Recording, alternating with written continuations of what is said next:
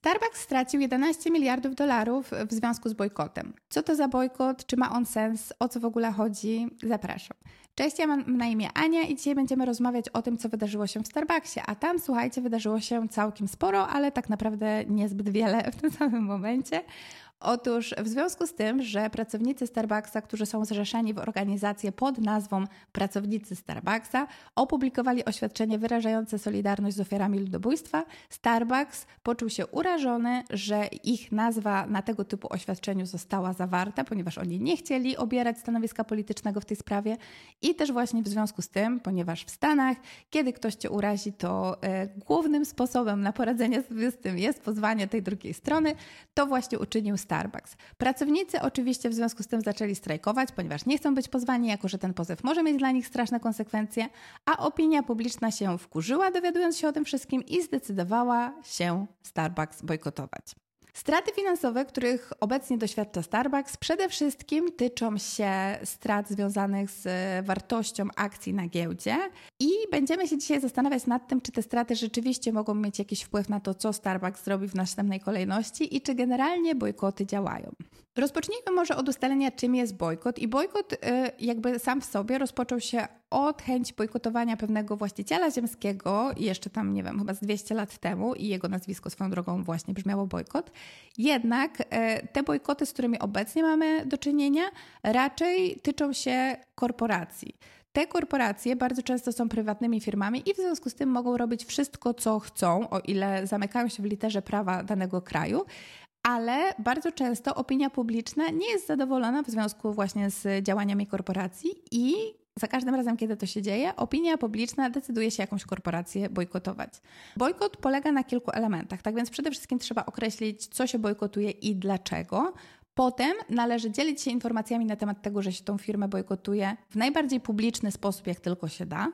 I po trzecie, kiedy się te informacje dzieli w publiczny sposób, trzeba starać się zrobić to tak, aby jak najwięcej osób to zobaczyło i też właśnie tym samym poprzez ustalenie, dlaczego się firma bojkotuje, dzielenie się tymi informacjami i popularyzowanie tych informacji sprawia się, że coraz więcej i więcej osób na temat tego bojkotu się dowiaduje i też właśnie tak jak w sytuacji e, Starbucksa, na przykład inwestorzy czy akcjonariusze mogą zacząć się stresować w związku z tym, że zyski korporacji ewentualnie mogą spaść i zacząć wycofywać swoje pieniądze, które w danej korporacji mają ulokowane. Bojkotowanie bardzo często łączy się z różnego rodzaju reperkusjami finansowymi, jak to ma w tym przypadku. W związku z tym pierwsze pytanie na temat bojkotów i tego, czy rzeczywiście rzeczywiście mają one sens, bardzo często odnosi się do szeregowych pracowników danych korporacji, którzy, tak jak w sytuacji Starbucksa na przykład, możliwe, że będą tracić pracę, jako iż restauracje możliwe, że zaczną się zamykać.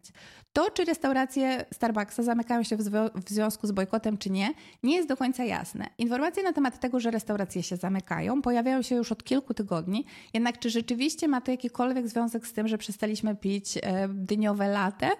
Nie wiadomo do końca. Jak na razie wiadomo, że zamknęło się całkiem sporo lokacji w Stanach Zjednoczonych, a także Starbucks wycofał się z Maroka. Wiemy również o tym, że w bardzo wielu krajach Bliskiego Wschodu Starbucks jest totalnie e, bojkotowane, czyli ludzie w ogóle nie wchodzą tam do restauracji. Pojawia się mnóstwo wideo na TikToku i nie tylko, które to dokumentują w różnych godzinach, e, jakby w ciągu dnia, ponieważ widać, że naokoło Starbucksa będą ludzie, a w samym Starbucksie tych ludzi nie będzie. Tak więc jakby mniej więcej jesteśmy w stanie powiedzieć, że ruch w tej restauracji się zmniejszył.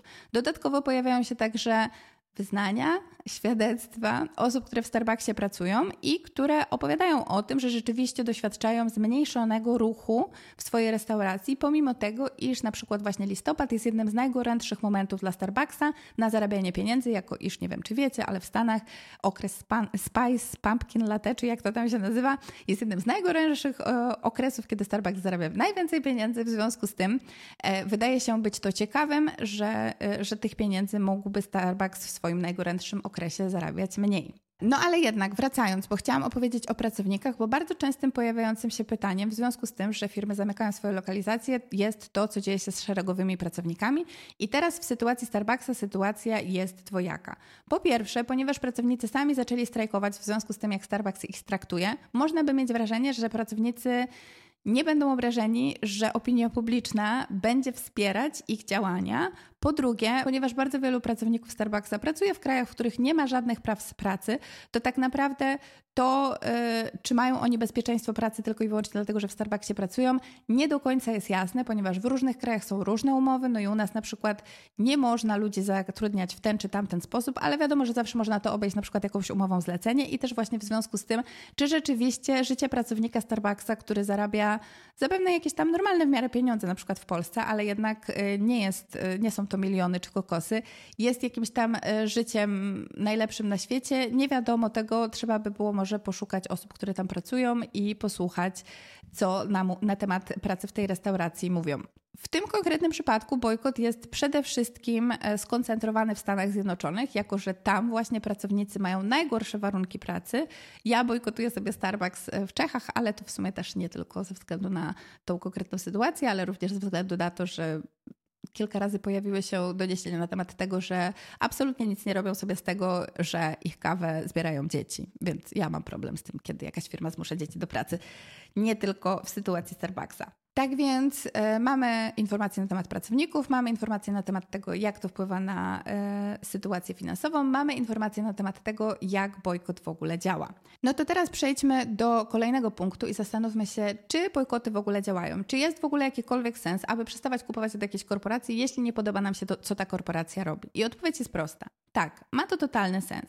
Tylko w 2022 roku było kilka bojkotów, które w pomyślny sposób były w stanie sprawić, aby prywatne de facto korporacje zmieniły swój sposób postępowania tylko i wyłącznie i po to robiły te zmiany, aby utrzymać swoich klientów i aby nadal móc rosnąć i aby nadal móc zarabiać. Co to były za bojkoty, o których mówię? Pierwszy był w Wielkiej Brytanii i chodziło o to, że firma AXA e, dawała jakieś super specjalne ubezpieczenia dla osób chodzących na polowania, a ludzie nie za bardzo są fanami polowań, w związku z tym bojkotowali AXA i AXA z e, dawania super świetnych ubezpieczeń dla osób polujących się wycofała. Drugim bojkotem, o którym e, warto wiedzieć, jest bojkot zaaranżowany przez PITA. Ja wiem, że wiele osób ma złe zdanie na temat tej organizacji, no ale jednak działa ona na rzecz praw zwierząt i e, bojkot ten opierał się na tym, aby wywierać nacisk na linie lotnicze, żeby nie przewoziły małp do laboratoriów w Europie i aby de facto dzięki temu może mniej e, testów w Europie na małpach było przeprowadzanych, co udało się zakończyć sukcesem. I trzeci taki Bojkot zakończony sukcesem w 2022 roku był e, w związku z wielką firmą General Mills, to jest firma spożywcza, i również bojkotowano ich ze względu na to, iż korzystali z pracy i z fabryk, które były ulokowane w tak zwanych nielegalnych osadach w Izraelu, tutaj już konkretnie. I e, właśnie w związku z tym firma General Mills zdecydowała się wycofać z współpracy z tymi konkretnymi fabrykami, przenieść swoje działania w inne miejsca, które nie miały aż tak bardzo kwestionowanej e, własności e, ziemskiej na przykład.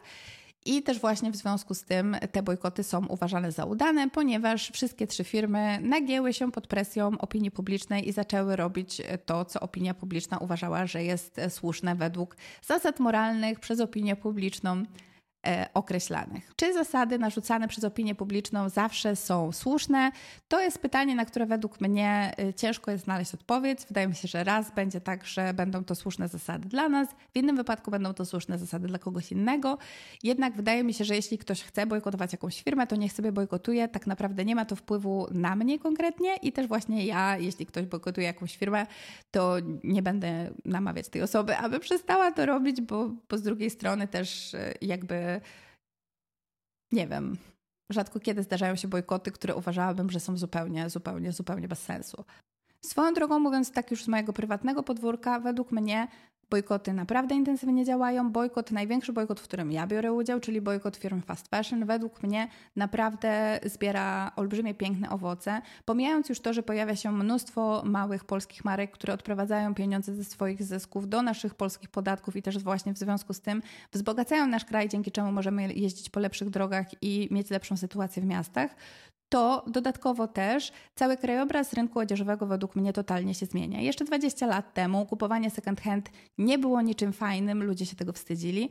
Obecnie dzięki właśnie ludziom takim jak ja i Wam wszystkim, którzy również popularyzujecie kupowanie na rynku wtórnym, nie tylko second hand stało się czymś normalnym, ale wręcz stało się czymś luksusowym. To, że pojawiają się firmy takie jak Temu czy Shein, niech Was nie zmyli, według mnie jest to bardzo dobry dowód na to, że rynek fast fashion powoli zaczyna umierać. Ludzie kojarzą fast fashion z mega tanimi rzeczami, w związku z tym Czemu ktoś miałby kupować kurtkę z Zary za 500 zł, wiedząc o tym, że jest ona wykonana dokładnie w takiej samej fabryce jak kurtka z temu i że jest dokładnie z takich samych materiałów i możliwe, że nawet w ogóle będzie podobnie nieciepła i nieodpowiednia na zimę, co ta kurtka z temu? No, ludzie jakby się buntują, nie chcą wydawać na te drogie firmy fast fashion i też właśnie tym samym one mają coraz mniejszy udział na rynku, zastępowane są tymi tańszymi firmami, ale tak czy siak nie zmienia to ogólnego trendu, który sprawia, że to właśnie rynek produktów używanych ma według projekcji dużo większe szanse na to, aby stać się głównym sposobem, na jaki ludzie będą kupować odzież na przestrzeni następnych kilkunastu, kilkudziesięciu lat. Takie to było dzisiaj wideo. Jeśli Wam się podobało, to dajcie mi łapki w górę. Do zobaczenia w następnym odcinku. Pa, pa!